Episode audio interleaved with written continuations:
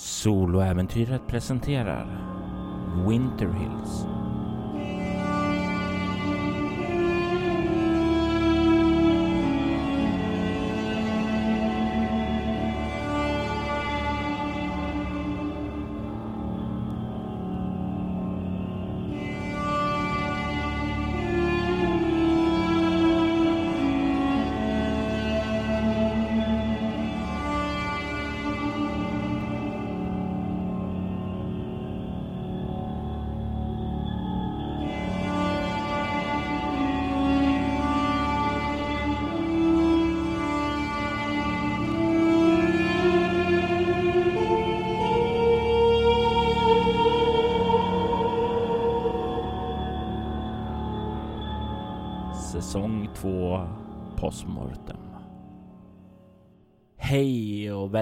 Välkommen till eh, Postmortem för Winter Hills andra säsong. Den här gången så sitter jag här med eh, Jonas Karlsson. Jonas eh, som eh, gjorde rösten till Samuel Toom i årets julkalender. Välkommen Jonas! Tack så mycket. En eh, kanske inte superstor roll, men det var ju bara dubb så att... Ja, men du har hört i tidiga julkalendrar också. Det har jag. Jag har varit med mm, förra och förrförra faktiskt. Mm. Eh, Och eh, vi kommer komma in på det lite senare. Du kommer vara med i nästa års julkalender också då. Ja, så är det. Eller ja, det är ju det är faktiskt redan inspelat så att... Ja, eh, det har ju blivit en eh, del eh, inspelat här i väntan på. Faktum var att jag var klar med säsong 3 redan innan säsong 2 började släppas. Så det finns en viss framförhållning. Det som är kvar är att redigera en del, vilket Kvarnberg Productions håller på och klipper det så nu. Och idag faktiskt när vi spelar in det här i 20 eh, februari Mm. så eh, gjorde jag klart det första avsnittet i årets julkalender då. Du sa lite framförhållning. Då kan vi kanske avslöja vilka säsonger jag är... eh, ja, Det är ganska långt framgångna inspelningar utöver det här. Så att... Jajamensan, eh, så som planeringen ser ut nu så kommer ni även få höra Jonas i säsong 3, 4 och eh, vad som troligtvis blir den sjunde säsongen där. Så det är så vi arbetar. Eh, lång framförhållning för Winter Hills. Eh, vi kommer gå in lite mer på det framöver. Absolut. Jag vill bara påpeka att det är lång framförhållning vi pratar om här. um, yes. Ja, jag heter Jonas i alla fall. Eh, Jag spelar med Robert, mm, inte bara i podd, utan faktiskt en del eh, vanligt klassiskt eh, utan mikrofon och eh, hörlurar faktiskt också. Precis, det är så det börjar. Alla som har spelat så här rollspel med mig vanligt, de drar jag in i podden förr eller senare också. Ja, man kommer inte undan. Oavsett om man vill eller inte. Precis. Men jag tänkte vi skulle börja att tala lite allmänt om säsong två och sen går in lite mer på eh, avsnittskapitlen då. Eh, sen och sen avrunda lite med eh, framtiden då. Mm. Absolut. Eh, En sak, jag har ju spelat med dig och jag, hur, hur välplanerad var säsong två? Alltså, Grejen var ju att eh, när jag började att spela in hela Winter Hills med Gustav och Maria visste inte jag hur eh, eh, lång eh, det skulle bli, att det skulle bli en julkalender, utan jag bara spelade in för att det var kul och sen fick man se vad det bliv, blev. Sedan så blev ju avsluten på säsong 1 eh, vid julfirandet och där kände ju jag att ja, men det här blir en bra julkalender. Eh, men vid det laget så kände jag inte att ja, men de här andra säsongerna måste vara en julkalender och fortsatte att spela in avsnitt på avsnitt och sen så satt jag här. Ja, säsong 2 är uppe i 52 avsnitt nu. Eh, det här är inte hållbart. Eh, så jag började kolla, okej, okay, hur kan jag stycka upp dem? Och då blev det lite grann så här att, okej, okay, det här det här får bli en naturlig break för Shanks-tvillingarnas eh, ark i säsong två och det blir en julkalender. Och då var jag ungefär, ja men åtta avsnitt kort eller någonting sånt där. Eh, jag vet i alla fall att eh, det var en hel del kvar och det var någonstans där som jag kände att hmm, man kanske kan bredda perspektivet lite och visa andra karaktärer. Och eh, Regina som spelar borgmästare Rebecca Storm var, ja, likt dig, ett offer som drogs in i poddvärlden från att ha varit ett eh, spelare tillsammans med mig i min vanliga spelgrupp. Mm. Och eh, hon hade inte spelat på ett tag, ville börja spela igen och och eh, då hoppade vi in i det här. Eh, och eh, det, det, då blev det ju som sagt var, vi gled in på en annan väg och visade perspektivet där. Och sedan så var det ju när hennes ark mer eller mindre var klart, förutom de sista avsnitten då, eh, så hade jag en liten lucka där och det var någonstans där som ja, du, jag och en annan person, Fredrik Mård, eh, brukar ju spela tillsammans i en annan podd som publiceras på min Patreon som heter Häxmästarens hemlighet. Som jag för övrigt tycker att alla ska lyssna på. Den är fantastisk. Ja, det tänker jag inte säga emot. Nej, men dynamiken och eh, spelet är riktigt, riktigt kul. Mm. Och det var ju ett sånt där tillfälle som eh, vi skulle spela in den som eh, du inte kunde. Jag kommer inte ihåg exakt varför, om du hade något jobbmöte eller någonting sådant där. Rimligen, det brukar vara något sånt. eh, så då tänkte jag att ja, men Fredrik, du och jag kan spela någonting annat och han sa absolut. Och då sa jag, men den här pojken, Nicholas Royan, eh, du får statta ut honom. Det här är ungefär vem han är. Och han gjorde det och sedan så blev det den här lilla eh, vardagliga pärlan då när han firade sin eh, väns födelsedag då och även att du fick en eh, liten dubbroll också. Ja, jag fick introducera min eh, framtida karaktär som från början bara var en SLP då. Precis, och det var ju inte bestämt då att du skulle spela honom, men det bara föll sig så väl då med tanke jag vet ju att du och Fredrik, hur ni fungerar tillsammans då. Mm.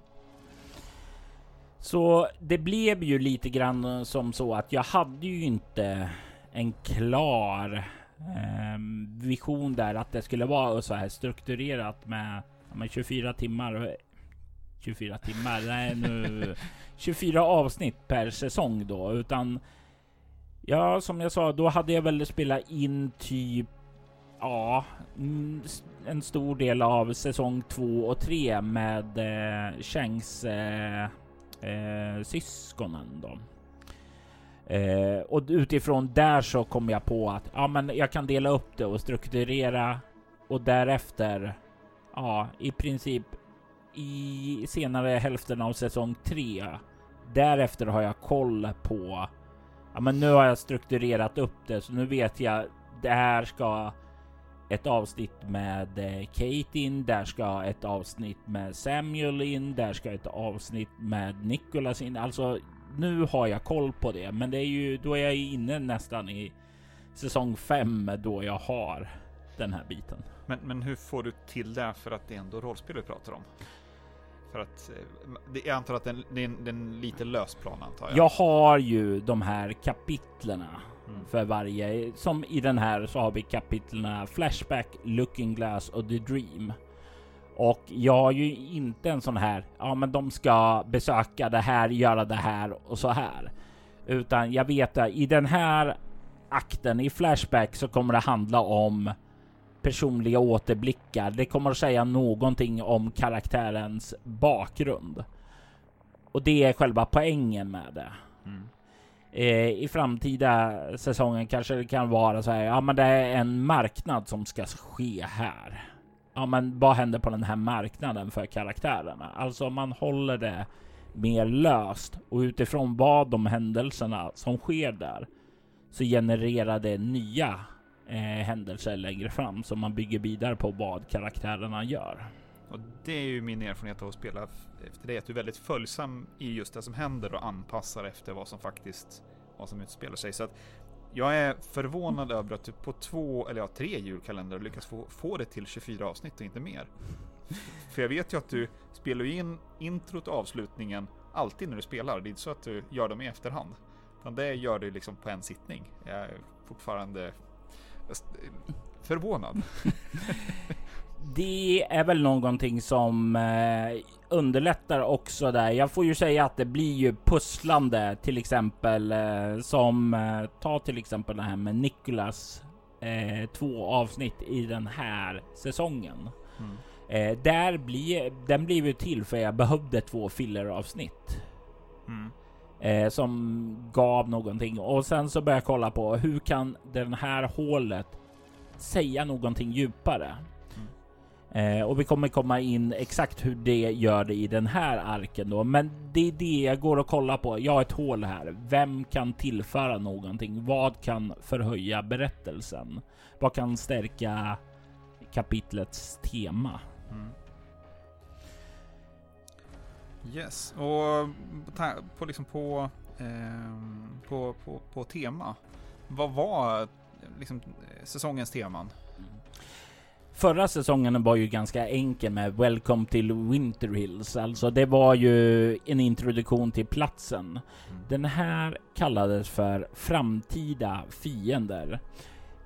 Av e- ett skäl som jag inte direkt kan säga så mycket om för att spoila framtida säsonger. Men en annan är ju det som planteras i den här säsongen. För om första säsongen planterade urkrafterna som ett hot i trakten så är ju den här säsongen en plantering för det röda paradiset. Jag har ju delat upp hela den här berättelsen i tre volymer. Varje volym har ett visst antal säsonger. Första volymen, det är urkrafterna. Den andra volymen är det röda paradiset. Och den sista är tystnaden. Och här har vi också då eh, volym 2 heter det röda pa paradiset och det är ju en framtida fiende. Det röda paradiset kommer inte bara en så stor faktor här i volym 1 utan det är, är ju någonting som ligger där i bakgrunden och påverkar saker och ting. Även om den stora fienden är urkraften. Men jag vill ändå plantera det här i början så att det inte kommer senare som en överraskning. Vi, vi, kanske kommer in på det, men hur är eh, de här volymerna fördelade då?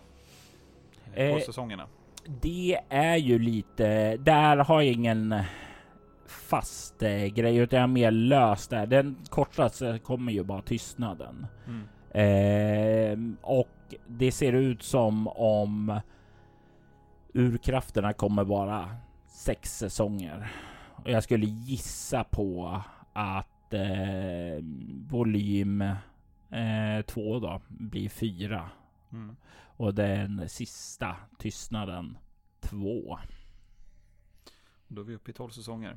Ja, och det är en ganska fest eh, grej. Ursprungligen hade jag eh, 4, 4, 4 mm. i åtanke där. Men så har jag möblerat. Jag har tagit en säsong från eh, ja, volym 3 då, tystnaden och flyttat den in i en annan till exempel. Så jag har möblerat om lite. Mm.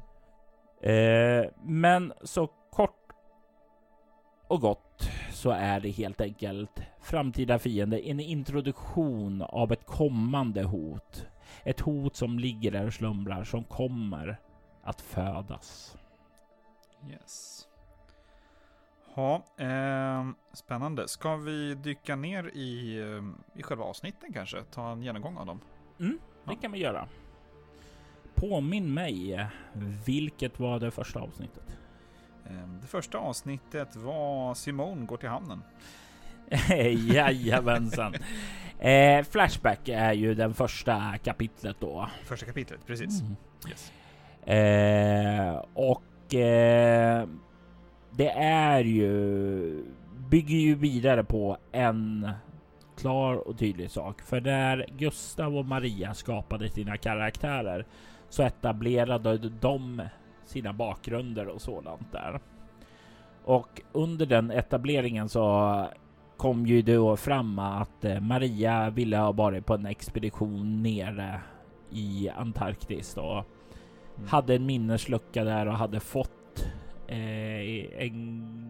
Ja, hon hade blivit gravid och fått ett missfall. Och det var ju sådant som hon hade etablerat. Och då ville jag ha ett sätt att eh, ja, fylla i vad är det som har hänt där nere. Och jag visste därför att när vi kom fram till Flashback kapitlet så ville jag gå in på vad som faktiskt skedde där nere. Mm. Och eh, det var ju då kort och gott alltså den här etableringen att hon hade en koppling till den, den esoteriska konsten Mm. som liksom fick komma fram det här och det går ju tillbaka till redan första säsongen i prologen där hon kände ett visst, eh, ja inte samma aversion till Dalias trollkonster som hennes syster gjorde då. Eh, som tyckte att det var ja, ovetenskapligt eh, mumbo jumbo snarare. Mm, eh, och vi, vi ser ju här att eh, det finns ju väldigt olika ja, personligheter hos de två tvillingarna där. Som kanske var lite grann grundlagt här, som ligger och slumrar i henne. Mm. Och så det, det var liksom, det tog avstamp där och det kändes mest naturligt att börja där. Em, En sak, Vi- visst Mm. är det i de här avsnitten som vi har eh, en norsk eh, dubb? Jajamensan, Kjetil Kvärn Docken som, eh, vad heter det, eh, driver sin egen port, Ni Verdener R- Rollespel. Eh, och eh, förlåt Kjetil där att jag slaktar namnet, men jag är horribel på norska. Jag kan ju säga när vi, jag och Maria spelade in det här så försökte jag inte imitera norska överhuvudtaget där. Nej, jag ska inte ge mig in på norska. Jag har, en del norsk släkt, men jag ska inte ge mig in på att äh, imitera. Men jag tyckte det var föredömligt att kunna ha en äh, norsk karaktär som spelades av en norsk. Det var rolig flair sådär skulle jag säga. Ja, och det var ju någonting som jag inte hade tänkt på heller, utan det var ju Maria som hade etablerat att det var en norsk eh, kapten och sådant där. Mm. För det var hon som satte själva scenen för expeditionen då. Så när jag började redigera bara, hmm, jag känner ju faktiskt en eh, norsk person. Eh, så då frågade jag Kjetil och jag är glad att han tackar ja. Ja, nej, jag tyckte föredömligt. Det var en liten fin flair och fick det liksom, ja men Mm. autentiskt. Det är inte alltid så lätt att få, få till så. Nej, Eh, vi fortsätter. Eh, då är vi på, eh, på, på Samantha. Ja, och eh, Samantha hade ju sin backstory då att eh, hon skulle iväg och träffa eller leta reda på en av sällskapets eh, utredare som var försvunnen. Mm. Och på vägen ut till fyrtornet. Eh, för i slutet av säsong ett där hade ju Samantha fått reda på att den här personen hon verkade leta efter var Kate Robinson. Tillika radioprataren. Jajamensan. Spelad av Amanda Senback som även har eh, rollen att introducera varje kapitel med ett litet radioinslag. Eh, på vägen ut där så eh, var ju den gode Samantha med om ett förträngt minne från sin barndom hur eh, Hennes- far... Ja, förlåt. Nej, hur, hur hennes far eh, och hon var ute på jakt va? jajamensan. Och träffade på någonting övernaturligt. En varelse, en trädvarelse som kallades för Vroska. Precis. Det är inte sista gången som vi kommer se dem i podden där, men det var ju ett sätt att etablera eh, en bakgrundsgrej som finns i Samantas bakgrund. Det är en länk till eh, drömmarna för vroskor är ju drömvarelser. Okej. Och det är ju någonting där som planterat, någonting mycket, mycket viktigt som kommer att gnaga i bakgrunden sedan. Ja, och lite förstör hennes eh, fyrkantiga uppfattning om världen en del. Absolut. Eh, det är ju inte samma väldigt ja, inrutade Samantha, utan det är ju sakta efter besättelsen och exorcismen som det öppnas upp lite mer. Mm-hmm. Hon, hon har ändå sett ett, ja men dels det här minnet och dels som exorcismen från eh, förra säsongen har gjort henne att hon har fått lov att möta lite övernaturliga konstigheter. Så att eh, kanske får ändra sig ändå. Precis, det, det blir ju efter en viss poäng så blir det ju som här eh, löjligt alltså eh, om man håller fast vid det. Det är som det så kallade Scully-effekten då. Mm. Att efter sju säsonger har du sett diverse saker och så. Ja, men det finns nog en logisk förklaring i det här. Va? Mm, ja, men nu har du sett så mycket. Alltså det blir ju eh, till slut nästan så här lite löjligt då om man håller fast vid det. Ja, och ganska osannolikt som Mm. karaktärsutveckling faktiskt. Eh, säga. Men Mm. eh, det är väl bra. Mm. Men det blir ju också att Samantha tar sig fram där, möter Kate, Mm. pratar och inser att ja, men jag kanske inte vill göra det här uppdraget längre. Nej, och jag kanske gör mig av med mitt, eh, mitt enda sätt att kontakta min hembas eller min, min organisation där hemma. Ja, och faktiskt mamma och pappa som de talade om och kontaktade via den där telefonen också. Så det är ju också rätt stort då. Ja, verkligen. Eh, men när vi då fick då ett möte med Kate där så kändes det också naturligt att vi skulle få se Kates backstory. Mm. Vad som fick henne att fly hit till trakten, för hon har ju faktiskt flytt hit. Och hennes liv var ju ganska annorlunda mot det som hon lever nu. Hon var ju gravid i sus och dus, fina festmiljöer och sådant där.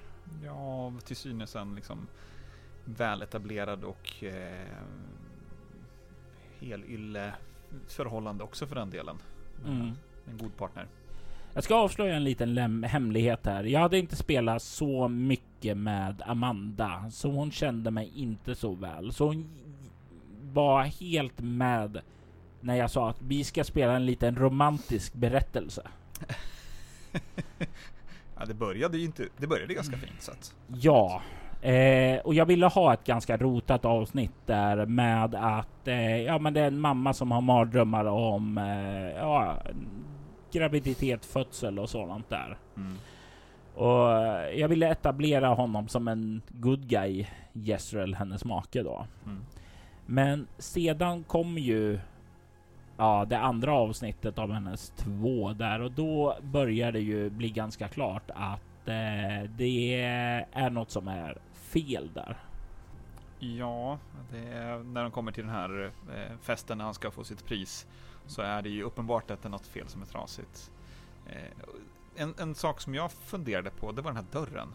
Eh, för att eh, det verkar, hon såg den, Mm. eh, Jezreel såg den, Mm. men det verkar inte som alla andra såg den.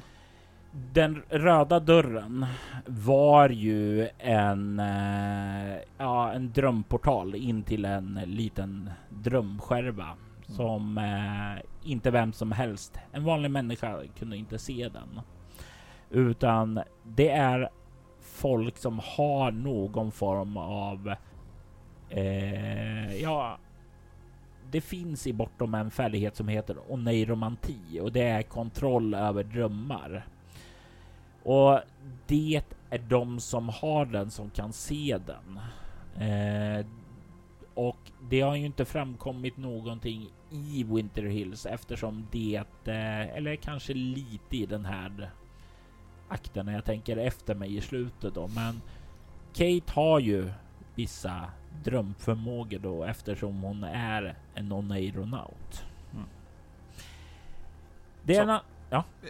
Som man kanske lätt skulle kunna få tolka som en slags drömmagiker kanske? Ja, man skulle kunna säga det. Det är det enklaste sättet att göra eh, förklara det på. Mm. Eh, det finns ju en annan länk till tidigare eh, säsonger här. Det är ju nämligen en man. En man som hon möter här på festen eh, som eh, mer eller mindre lyfter den ögonbindel som hennes make och bästa vän där hade placerat över henne.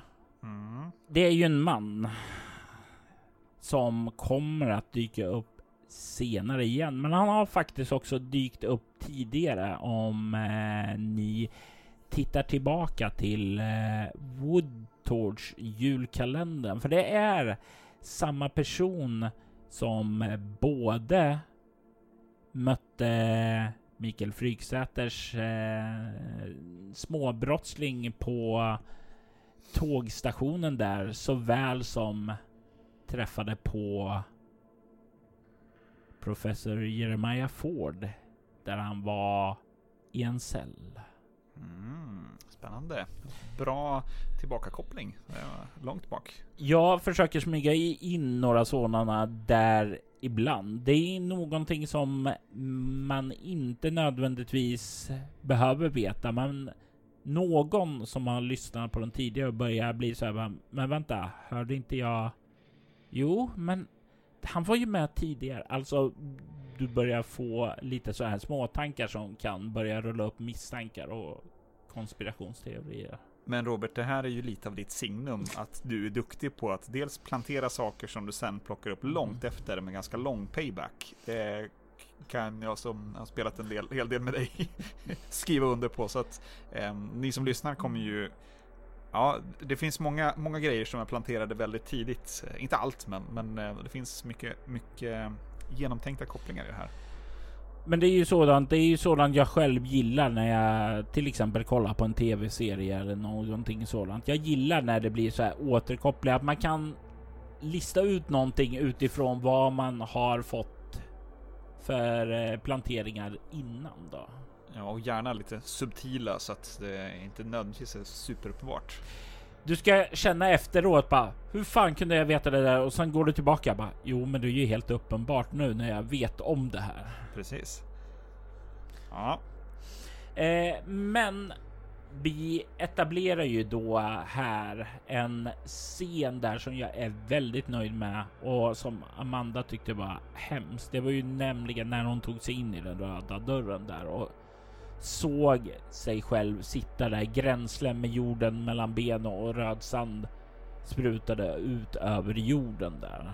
Väldigt så här grafisk beskrivning där som jag blev nöjd med. För det fångar liksom ett väldigt obehagligt hot där. Och eh, det framgår ju att de har planterat någonting i henne. Någonting som växer och ska födas. Undrar vad det kan vara för något. Och det är ju den första riktiga planteringen av det som är den framtida fienden, nämligen det röda paradiset. Precis. Eller ja, eh, det nämns ju redan i säsong 1. Tekniskt sett, ja, det har du ju rätt i, i bland annat Gilberts förvirrade eh, datoranteckningar. Precis. Och det är ju om vi då talar om kopplingen tillbaka till säsong 1 då. Så är det ju när de öppnar den där filen så dras ju båda de in i drömlandskapet. Mm. Och det är ju en stark koppling där som eh, det röda paradiset har till. För det fö föder väldigt mycket på den energin som finns där. Mm. Och det är väl mer eller mindre de viktiga delarna av den här arken. Den avslutas ju med eh, ett avsnitt med tvillingarna då som får dela lite insikter de har fått och de försöker att kontakta den röda damen då som eh, Samantha vill träffa nu och berätta saker för. Mm. Eh, men de lyckas inte. I alla fall inte än. Nej. Jag får eh, känslan av att det här är, alltså, eh, att säsongen, eller säsongen, den här, eh, den här kapitlet eh, handlar mycket om karaktärsfördjupningar, liksom bygga på deras bakgrund och liksom deras eh, eh, plantera säkert en hel del saker för framtiden också, små saker. Mm. Eller är det det som är tanken? Det är exakt det och jag tycker så här med flashbacks är ju ett, eh, en spelledarteknik som är väldigt bra för det. Att man kan gå tillbaka och etablera saker. Eh, och liksom bygga upp andra sidor som inte har synts sedan tidigare. Hur mycket av de här Flashback-scenerna eh, var liksom redan eller redan uttänkta tidigare? Eh, eller blev de liksom anpassade utifrån vad som hände och vilka personer som var med? Eh, det blev ju som så att Maria etablerade ju sin för Simone, alltså vad som hände där. Vad jag eh, visste var ju att hon skulle hitta den här eh, kammaren med pingvinerna som gick omkring där. Mm. Eh, för det hade alluderats till eh, att det var några kopplingar till de här tecknen och sådant där. Men det var ju inte... Det var ju inte tänkt eh, som så att det skulle bli så som det blev. Eh, för jag hade ju lite så här tänkt att ja men eh, det, det skulle inte bli ett scenario där eh, vad heter det professorn bara en snuskgubbe. Eh, och vad ville ha Marias eh, karaktär då. Men det var mer eller mindre vad heter det, så det blev utifrån eh, hur Maria och jag spelade. Eh, jag kommer inte ihåg exakt varför just nu, utan det var någonting med att Maria då styrde om eh, relationen som jag trodde Leonard hade, att han inte var homosexuell. Eh, utan jag hade för mig nu när jag börjar prata om det att tanken var mer att han hade en små crush på henne Mm. Och det skulle, vad heter det, då professorn bli lack på alltså och ge sig på honom. Ah, okay. Eh, men nu var ju inte det en möjlighet och ja, men då hamnar ju i den eh, follan där. Och det är frågan den här, det här eh, sjögräset de åt som gjorde att de kunde läsa tankar. Mm. Var det för att spela ut det här eller var det någonting som liksom du hade jag, jag, jag, tror just det där sjögräset var bara för jag ville göra att det var någonting som var fel. Alltså få dem att börja undersöka pingvinerna och havet mera. Alltså jag tror jag ville att de skulle... Ja, men var kommer det här ifrån? Kan vi undersöka det? Alltså något, eh, en liten brödsmula att leda dem ner i havet. Ja, och sen så gav det ju möjligheten att eh, eh den, den, den trevliga professorns tankar inte riktigt kunde vara hans, hans egna. Så det gjorde honom läskigare än vad han kanske hade varit annars. Ja, eh, det blev ju... Det blir ju ofta som så när jag inte har någonting planerat utan jag kommer på en grej och sedan när jag är igång med den grejen så bara, hur kan man vrida det här ett varv till? Göra det ännu mörkare? Ja, jo, men det är oftast dit mitt sinne går där. Eh, nej men så det var Maria influerade väldigt mycket av scenen där. Mm. Eh, Gustavs scen där, den var ju mer styrd då. Eh, han hade ju inte samma agent för den dels var den kortare Mm. eftersom det var inte huvudstoryn som han skulle uppleva då. Så där var det mer eller mindre. Du är ett barn. Du har inte så mycket kontroll över din agens. Här är ett hemskt minne som du har. Mm. Så den var ju styrd. Och sedan så har vi Amanda som, ja det var lite grann mitt emellan, men kanske lite mer åt eh, Marias eh, berättelse då. Alltså att den var, jag, jag satte ramen där. Men eh, den ramen förändras utifrån hennes handlingar. Mm. Så det var lite blandad kompott där. Spännande. Och så fick man lite förklaring varför det finns en radiopratare som bor själv i en fyr och numera inte vill gå därifrån heller. Precis, och det går ju också det där som du sa med karaktärspresentationer och fördjupningar. Ja. Ja, eh, Eh, kan ju nämnas också då när vi ändå är just där. Det är ju också en plantering för när Samantha kom fram till tornet där så kände det ju ett, så kände ju hon en väldigt stort obehag av att vara där mm, inne. mm. Och det är någonting som kan vara värt i åtanke. Varför är det så? För framtiden. Mm. Då är, pratar vi om olika eh, parterna här i den kommande konflikten. Jajamän. Ja, eh, var något annat du ville lägga till om första kapitlet Flashback? Eller? Nej, jag tror vi har eh, betat av det rätt bra här. Bra. Eh, hoppa vidare till andra delen, andra kapitlet som heter Looking Glass. Mm. Ehm, eh, här är vi liksom bara, det är bara en karaktär vi följer i- genom hela. Vad, vad var tanken där? Det är ju en eh, karaktärspresentation då eh, av en ny karaktär. Samantha och eh, Simona har vi ju följt hela säsong 1 så vi känner ju dem ganska bra. Och när vi då går in på en helt ny karaktär så kände jag att ja, men vi vill eh, få lite mer kött på benen om den så den får sin egen ark då. Och eh, samtidigt med den här arken så handlar det ju mycket om att eh, se saker ur andra perspektiv genom the looking glass så att säga. Eh, vi får ju se annat än det lilla vi har hört om borgmästaren som en ganska sträng och men respekterad person, alltså lite opersonlig och sådant. Så går vi över till hennes perspektiv och ser det från henne. Och eh, det framgår ju snabbt att hon balanserar vardagliga problem mot att eh, ståka sheriffen mer eller mindre där. Ja, lite speciell relation till sheriffen eh, är uppenbart. Och det är ju någonting eh, som kanske kommer bli klarare med tiden då. Men det finns ju ett intresse där, någonting som inte andra direkt anar.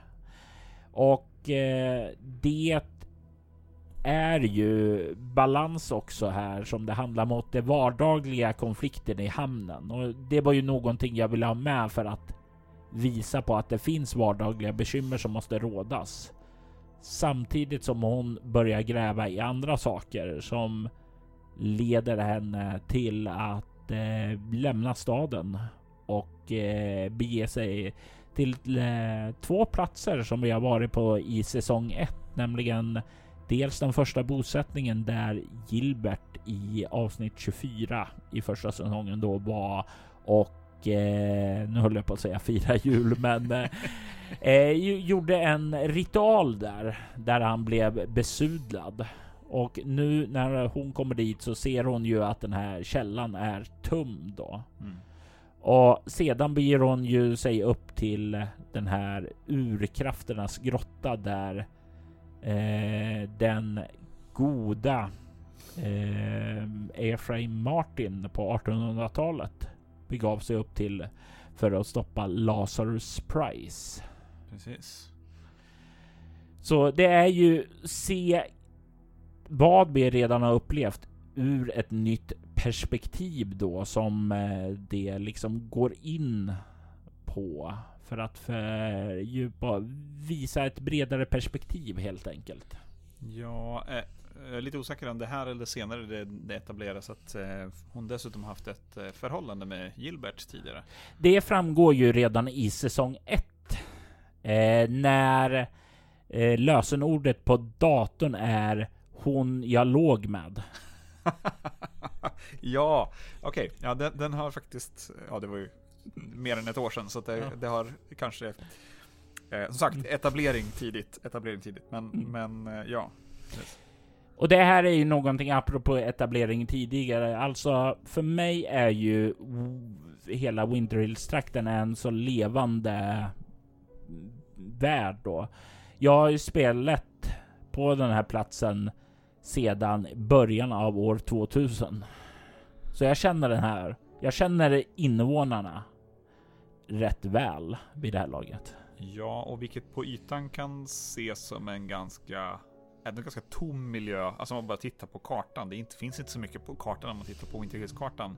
Men eh, eh, du tryckt in så väldigt mycket innehåll på en sån tom karta så att eh, det finns mycket att utforska här.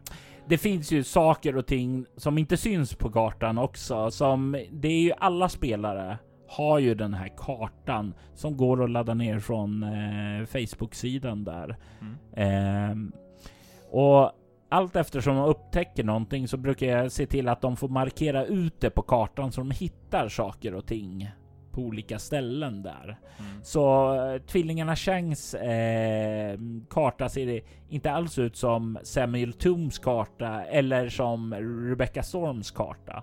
Skulle de möta varandra så skulle de säkert kunna byta ut hemligheter med varandra. Mm, och få en mer komplett karta. Ja. Precis. Tänk om, eh. tänk om det händer i framtiden. Mm. Eh, så det är ju lite grann där för att eh, hela den här akten är också dels för att introducera borgmästaren som en viktig spelare mm. och dels även för att den här säsongen handlar om det röda paradiset, den framtida fienden. Men jag vill ändå att vi håller kvar i minnet att urkrafterna finns här. De är ett hot. Och här så blir vi ju påminda av det eftersom vi går i deras fotspår. Mm. Så det är själva temat och tanken med Looking Glass.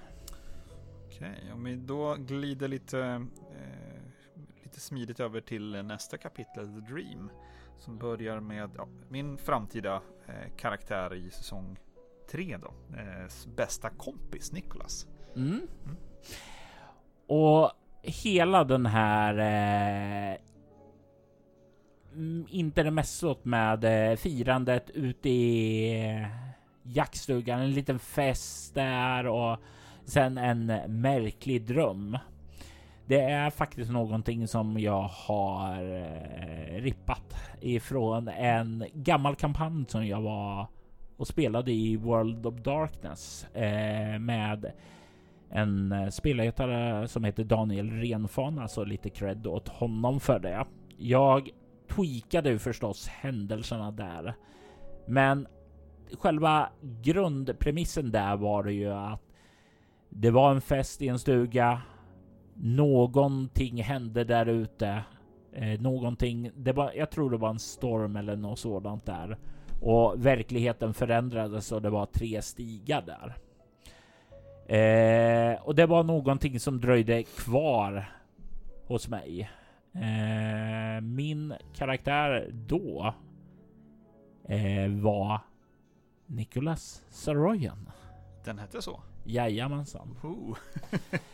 ja. eh, som eh, jag då hade etablerat skulle dö i det här avsnittet då. Eh, för att jag sedan skulle, ja, vi skulle chocka spelarna att eh, visa att vem som helst kan dö. Mm. Och sen började jag spela Caroline Saroyan.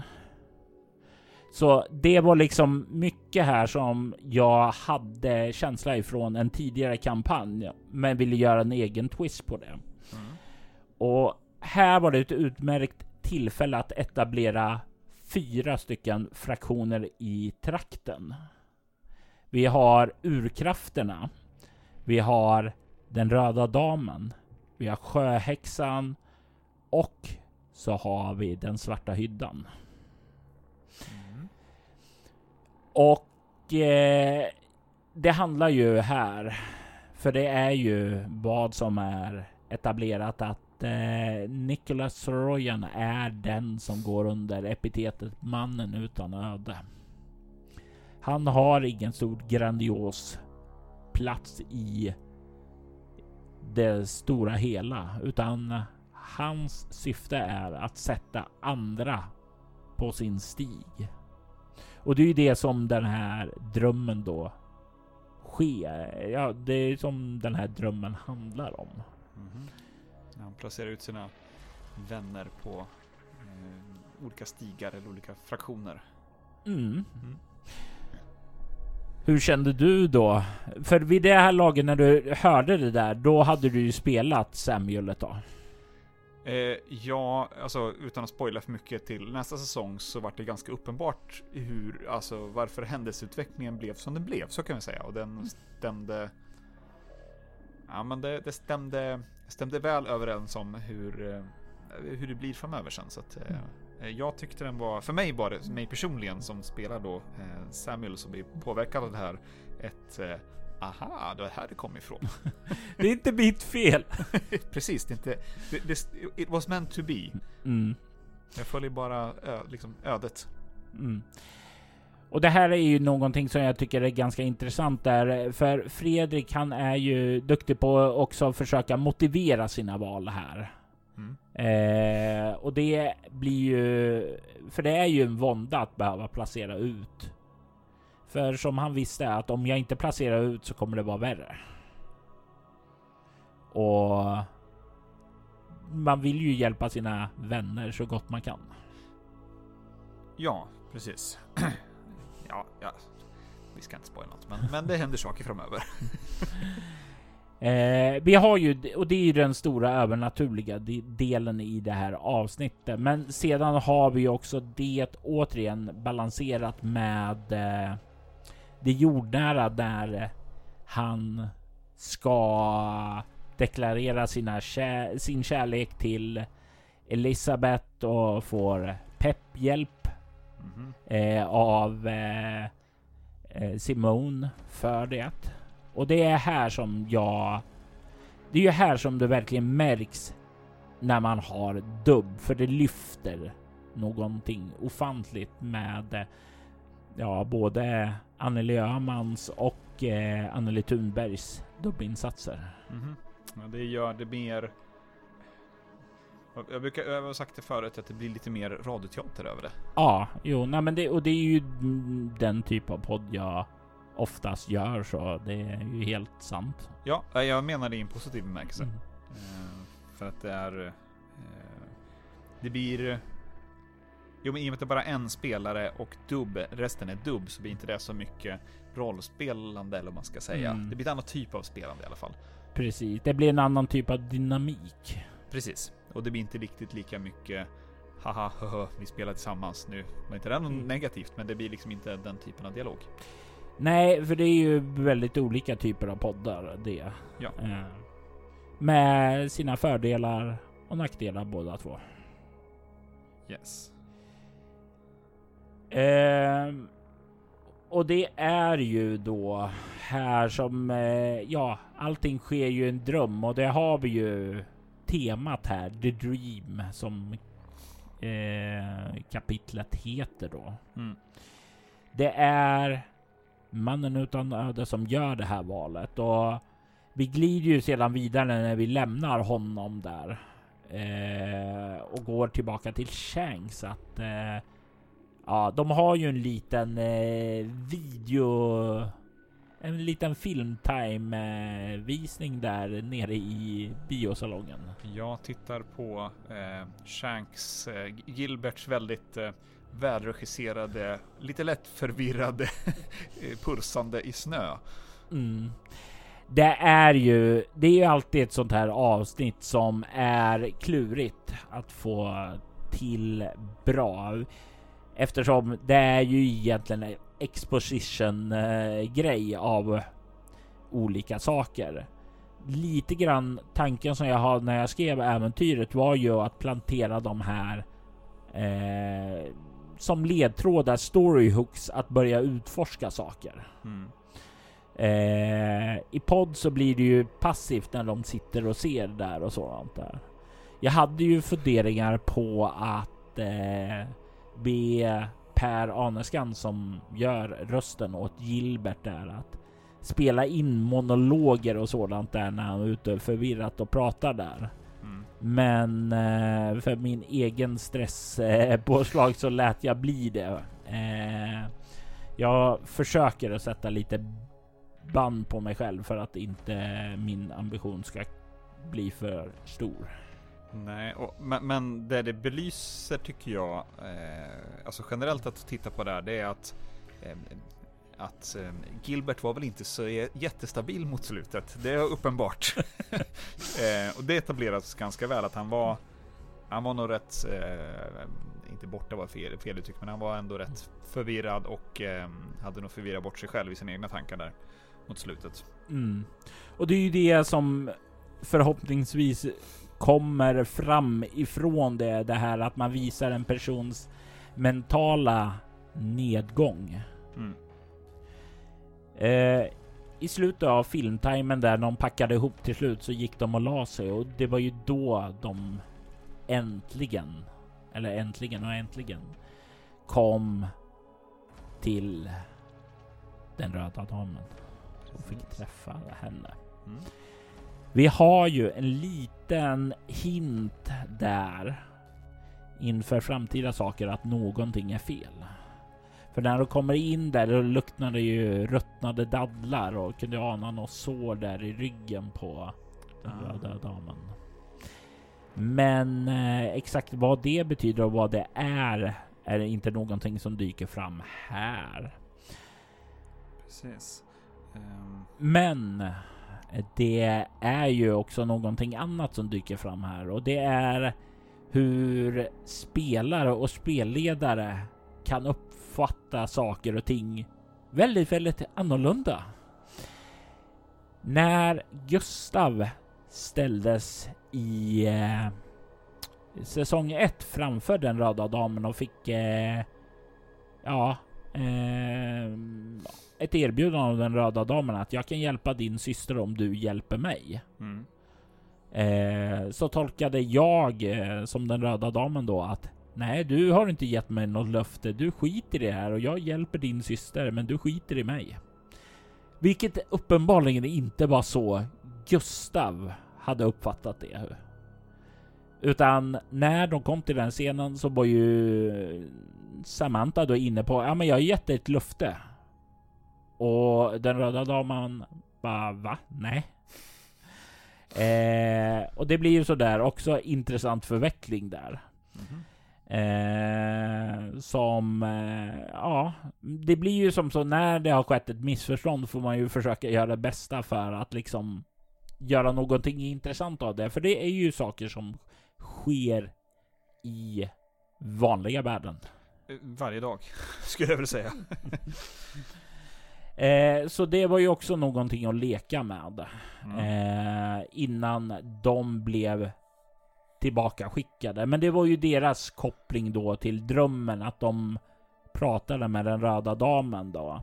Och den röda damen sa i princip Fuck you, jag hittar någon bättre allierad. Och den bättre allierade har vi ju träffat i föregående akt då, nämligen borgmästare Rebecca Storm. Precis. Eh, och det är ju med Rebecca Storm som vi väver ihop hela säsongen då. Hon... Eller vänta, vi går... Det går händelserna i förväg. Det var väl dessutom eh, det var en liten eh, actionsekvens där som vi åtminstone ska liksom, eh, toucha på med en Wendigo som kom och attackerade deras bandvagn. Ja, just det. Det stämmer ju faktiskt där. Eh, det är ju, och med dem som menar ju tvillingarna Shanks där, som eh, hade varit ute hos eh, Lianza Royan och eh, eh, tagit och pratat lite om eh, de olika hemligheterna då. Mm. Och det framgick också att det verkade finnas ett band mellan eh, Lian och Samantha. Nej. Nej, Simone. Ja. Precis. Eh, inside story. Det har absolut aldrig hängt att vi har fått göra omtagningar när jag har sagt fel på Samantha och Simone. Nej, alltså. Ja, eh, deras fiktiva föräldrar kan ju faktiskt ha kan ju faktiskt valt något lite bättre. Jag, jag skyller helt och hållet på Gustav och Maria som gjorde det här. Men å andra sidan så kan jag inte klandra dem det minsta för jag gick på gymnasiet med en Marcus och Mattias som var tvillingar. Det verkar bara som om föräldrar är väldigt förtjusta att ge dem liknande namn. Som om man ska spä på förvirringen för tvillingar liksom. Ja. Precis. Eh, nej men det blir ju en introduktion där av ett faktiskt fysiskt hot. Jag tror det var John Hauge Evaldsson som sa att det... Men det här var ju den enda striden i avsnittet. I säsongen. Ja. Och jag tror faktiskt att det är det. det enda fysiska konflikt, ja precis. Eh, det var några hamn hamn, eh, hamngubbar var i hamnen som var lite upprörda på sin höjd. Det var närmsta fysisk konflikt det kom. Mm. Utöver det här. Eh, och det, det, är ju någonting som jag känner så här. Jag tycker inte det nödvändiga är fysiska konflikter. Alltså det, det kan vara jättetufft och ballt, men då ska det gärna ha någon eh, extra betydelse att man gör en poäng av det. Att det fyller en funktion. Att den hänger på vilken typ av spel vi pratar om också.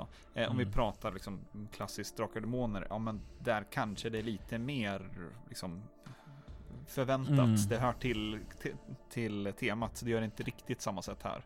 Mm. Men det är ju också även där, om du ser till eh, spel i podd mm. och spel vid bordet.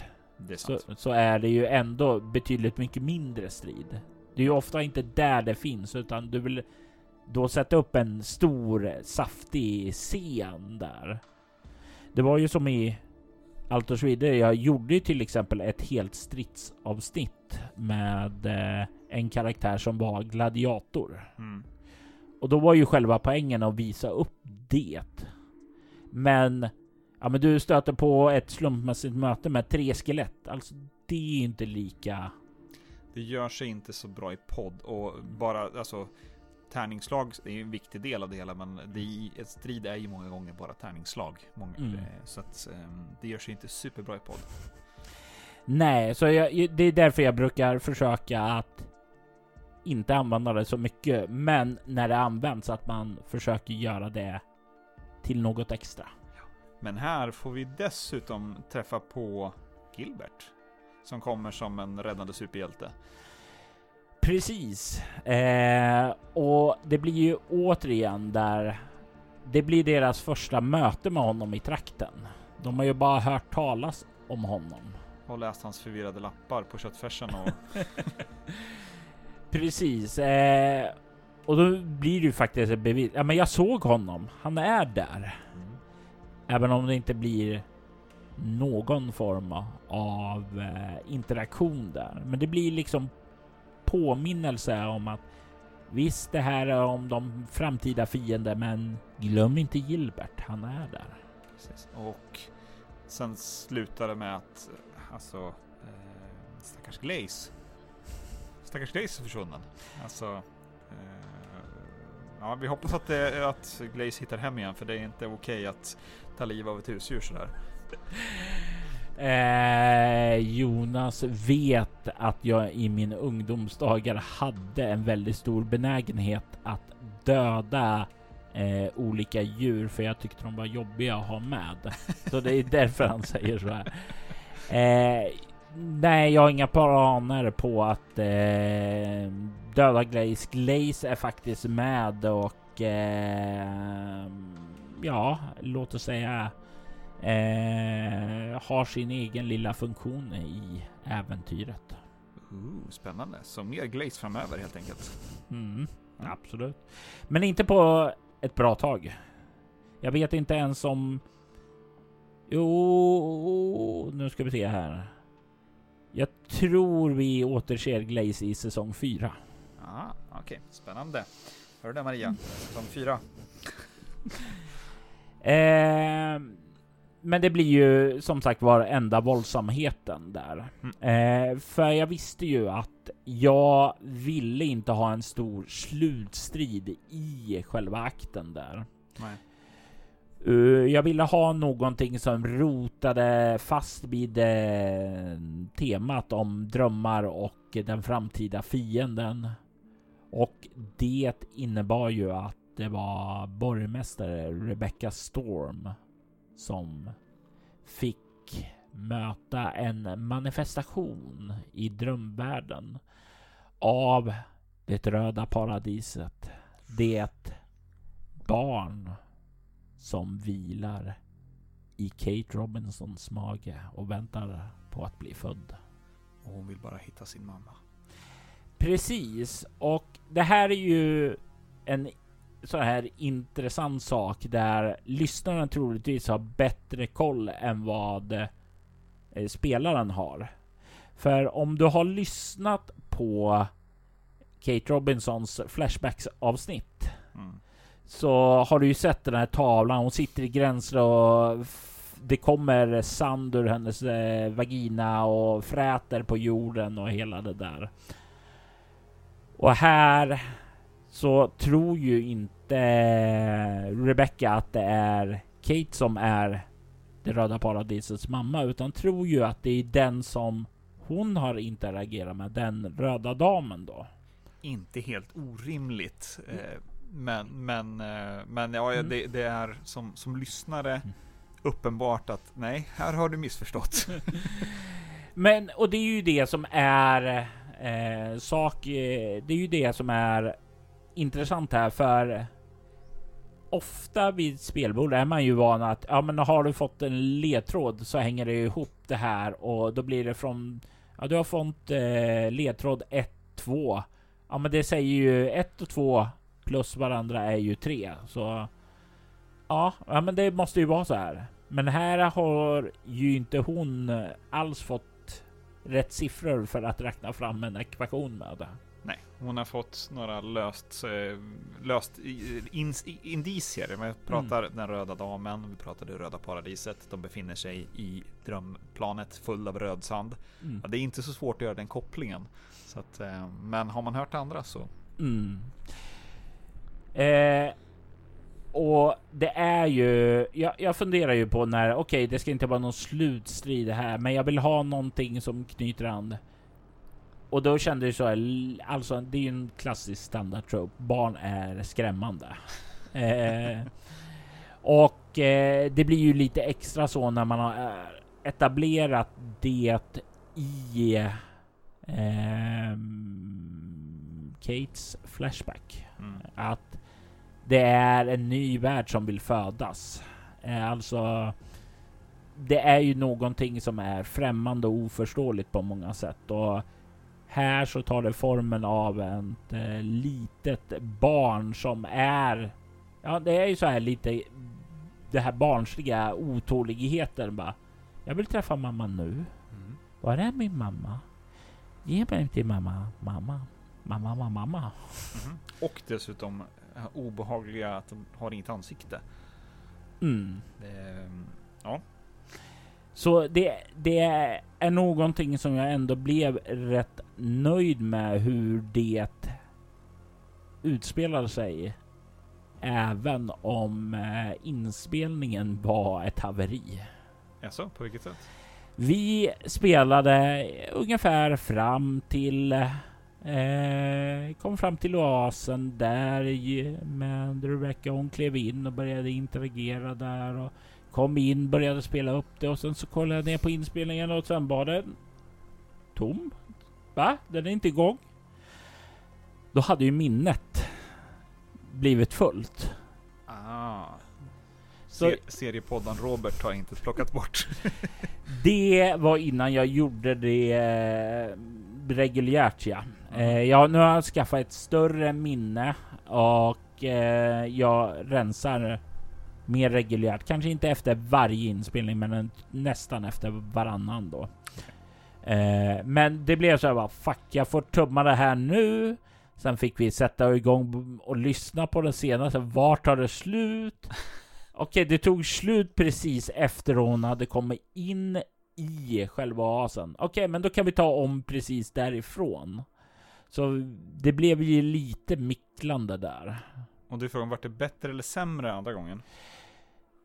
To be fair så blir det oftast bättre. Mm. Eh, I alla fall ur mitt perspektiv. Jag, vet, jag kan inte tala för eh, spelarna då, men för mig som SL så är det ju ofta, ja men nu har jag jag har ju redan sagt det här en gång, så nu sitter det bättre. Nu vet jag vad jag ska säga och jag behöver inte tänka vad jag ska säga medan jag säger saker. Mhm. Så det flöt ju på mycket bättre. Lyckligtvis så hade vi inte kommit så långt in i själva snacket där visade sig. Så det var lite där i början som kanske kändes lite stelt att ta om det. Men jag tycker ändå att eh, det blev bättre i helhet. Bra, Det det är ingenting som jag minns att jag reagerade på att det var, alltså, eh, som, som lyssnare i alla fall. Ehm, Då lyckades jag med klippningsarbetet med andra ord. Och i och med det så har vi etablerat den, liksom, den stora fienden för säsong två. Eh, eller Mm. på, eh, liksom, För eh, volym 2. förlåt, volym två. Och som var det som var temat här i framtida fiender. Ja. Men återigen, observera att det heter framtida fiender. Det finns en annan aspekt här, men vi kan inte gå in på det utan att spoila kommande säsonger. Men eh, ha det i åtanke när ni lyssnar på säsong 3 och 4. För att det som är etablerat nu då är med andra ord eh, urkrafterna och det röda paradiset. Mm. Och i viss mån även eh, sjöhäxan, den röda damen och den svarta hyddan. Ja, men Mm. De, de två, alltså de över, tre övergripande prota eller de tre övergripande antagonisterna är ju urkrafterna, det röda paradiset och tystnaden. Mm. Och det var i hela julkalendern. ja. Ehm, det var inget direkt jultema den här gången. Men eh, Nej, och det var ju i januari nu julen hade varit och sådant, så det kommer ju inte bara jultema i nästa säsong heller, för då har det gått ännu längre bort ifrån julen. Ja. Utan vi håller det helt enkelt till 24 avsnitt och eh, det blir inte så mycket juligt kanske, men eh, det är en lucka varje dag. mm, det är ett, alltså det är ett intensivt schema att hänga med i eh, poddlyssnandet. Jag vet att jag eh, får, ursäkta mina övriga poddar som jag lyssnar på, de får faktiskt vara lite på paus. Hinner jag med så hinner jag med, men eh, det känns det är kul att få lyssna på en podd varje dag och få liksom en sammanhållen story på 24 avsnitt. Mm. Det är, ja, det, är, det är lite lyxigt också. Men det är lite jobbigt att hänga med, så det är tur att det är bara en gång om året. Ja, alltså det är ju någonting som inte jag egentligen förväntar mig att alla ska lyssna på det sammanhållet sådär. Alltså utan det går bra att ta eh, ett avsnitt här och ett avsnitt där också. Lite tråkigt att man inte får in frågor och sådant där just för att folk inte haft tid. Men det är ju en del av det hela. Ja, men en fördel är ju att man, nu gör ju inte jag det, men man skulle ju kunna, jag misstänker att en del som binge-lyssnar då istället, så man kan lyssna Mm. på fyra avsnitt på, en, på ett svep. Ja. Mm. ja, men det är ju ofta så jag gör själv när jag börjar lyssna på en podd där. Alltså jag vill ha möjlighet att bingea. Ja, jag kör min så snällt, så kommer ut en gång i veckan och lyssnar på de jag lyssnar på. Det behövs sådana personer också. Ja. De är perfekt fram och tillbaka till jobbet och lyssna på poddar. Eller när man lagar mat. Mm. Ja, och när vi var då klara med det, vad har vi kvar att prata om Jonas? Ja, det är vad som kommer hända framöver. Vi har ju varit och touchat lite grann på framtida säsonger, men Mm. näst in på knuten så ligger säsong tre. Ehm, och där kommer ju bland annat jag vara med. ehm, Mm. Som eh, Samuel Toom. Ehm, som Nikolas bästa vän. Så att ehm, jag vet inte hur många avsnitt, men ett par, fyra avsnitt eller någonting sånt. Eh, låt mig faktiskt ta fram, för jag har summeringar av de avsnitt som vi har spelat in och jag kan se att du då är med i, nu ska vi se, en, två, tre, fyra, fem, Mm. Fem avsnitt. då kommer det hända lite, lite mörka saker. Och det är ju de här avsnitten då som du kommer spela, så kommer ju också Fredrik vara med och spela. Att, eh, du har ju en del ensam när vi introducerar Samuel i sig då. Mm. Eh, men sedan så kommer ju du och eh, Fredriks karaktär Nicholas Saroyan spela tillsammans. Och då kommer ju även ha med dubb ifrån Anneli och Anneli. Ja, just det. Precis. För det är ju lite grann en av de trådar som vi kommer att plocka upp i nästa story är ju då eh, helt enkelt vad ert lilla gäng hittar på och vad för trådar ni drar i, i trakten. Och hur går det med den här valet som Niklas gjorde? Hur påverkar det oss? Mm. Mm. Sakta, sakta så kommer det ta och byggas upp. Yes. Vad, ehm, den, den nya säsongen då, vad, vad heter den? Mörka hemligheter heter den och vi kommer ju då att eh, förutom eh, er lilla story då även eh, eh, se kanske lite mer eh, sprickor mellan eh, tvillingarna Shanks börja uppstå här. Eh, olika åsikter och sätt att hantera vardagen kanske börja tära på deras relation. Mhm. Och så kommer det att, att ske en födelsedagsfest där saker och ting kommer skakas om rejält och påverka livet i Vinetka på ett fascinerande sätt. Lyxbådande. Och eh, av eh, Jonas eh, hålögda blick här så kan ju jag se att eh, han undrar vad det är, vilket för er lyssnare borde indikera på att det är inte en ny födelsedagsfest för det här lilla kompisgänget i alla fall. Nej, då borde jag känna igen den. Nämligen. Mm. Vi kommer nästa säsong eh, även att få återse lite mer av eh, Rebecca Storm. Mm. Eh, vi kommer även eh, då att eh, få, jag tror det är ett avsnitt med Kate i det också. Och vi kommer dessutom ha ett avsnitt med eh, John Mallory som spelar som Magnus Seter. En eh, karaktär som var med i eh, Patreon-avsnitten eh, Secrets eh, som även släpptes som föravsnitt till säsongen. Just ja, som anlände med båten för att söka jobb på Ja, jag vet inte. Jo, det var kanske inga hemligheter, men på Nej. väderstationen. Jajamensan. Ja, precis. Eh, en man som eh, kanske hade lite mer eh, innanför västen än vad han visade för tvillingarna Shanks på vägen eh, till Vinetka. För han reste ju tillsammans med dem och Dahlia på båten. Precis. Mm. Eh, så vi kommer få ett litet inspel av honom. Eh, och eh, vi kommer sedan se lite mer av honom i säsong 4 och kanske eh, ännu mer i säsong 5. Yes. Spännande. Eh, när eh, det som sagt, det är en julkalender nästa år. Eller Ja, i år, ja. förlåt.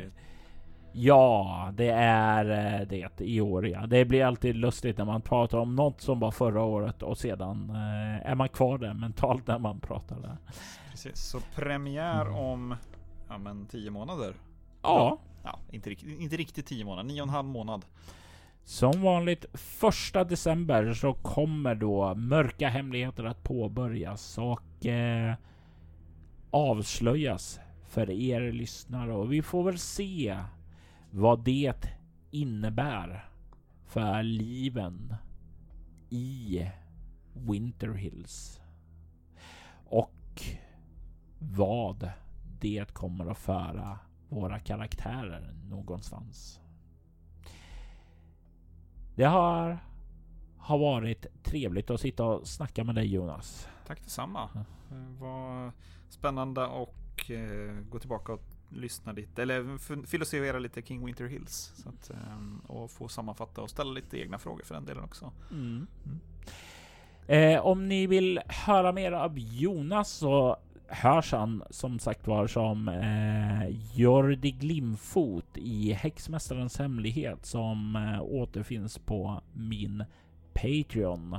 Patreon.com snedstreck Robert Jonsson och där så spelar vi eh, den här kampanjen som är till det klassiska rollspelet Drakar och Demoner. Precis, så då kan ni få höra mig och eh, Fredrik Mård spela en dynamisk duo. Ja, en, en, en dynamisk duo när vi går igenom de klassiska äventyren Sarkatans grav och även Marsklandet. Jajamensan, där. Mycket spänning och mycket strapatser i träsket. Eh, Och lite sex. Lite, lite sex, ja. Eh, Lite oväntat, men eh, lite sex. Det tycker jag definitivt ni ska göra för eh, om ni inte har fått nog av Jonas här och nu så kommer ni inte få det efter det heller. Det här har varit Winter Hills Postmortem. Tack för att ni har lyssnat. I detta avsnitt hörde du Robert Jonsson och Jonas Karlsson diskutera Winter Hills säsong 2. Detta avsnitt klipptes av Robert Jonsson och musiken du hörde i detta avsnitt var från Cryo Chamber. Cryo Chamber är ett skivbolag som eh, publicerar många fantastiska artister som passar perfekt runt ditt spelbord. Länkar till dem hittar du i avsnittets inlägg. Vignettmusiken gjordes av Andreas Lundström. Söker du efter fler poddar i liknande stil som Soloäventyret rekommenderar vi Altorsvidder och Valerie Chronicles. I Altorsvidder hör du oss spela rollspelet Drakar Demoner i världen Altor. Medan vi i Valerie Chronicles spelar Vampire och de andra World of Darkness-spelen. Du hittar mer information om båda poddarna på bortom.nu. Du kan följa oss på Instagram och Twitter som Spela Bortom och som Soloäventyret på Facebook. Det går även bra att mejla oss på info.bortom.nu. Vill du stödja Roberts fortsatta kreativa skapande kan du göra det på patreon.com snedstreck Robert Jonsson. Jag är Robert Jonsson. Tack för att du har lyssnat. Vi vill ta tillfället i akt att tacka, hylla och hedra våra Patreon-backare. Daniel Pettersson, Ty Nilsson, Morgan Kullberg och Daniel Lantz. Ert stöd djupt uppskattat.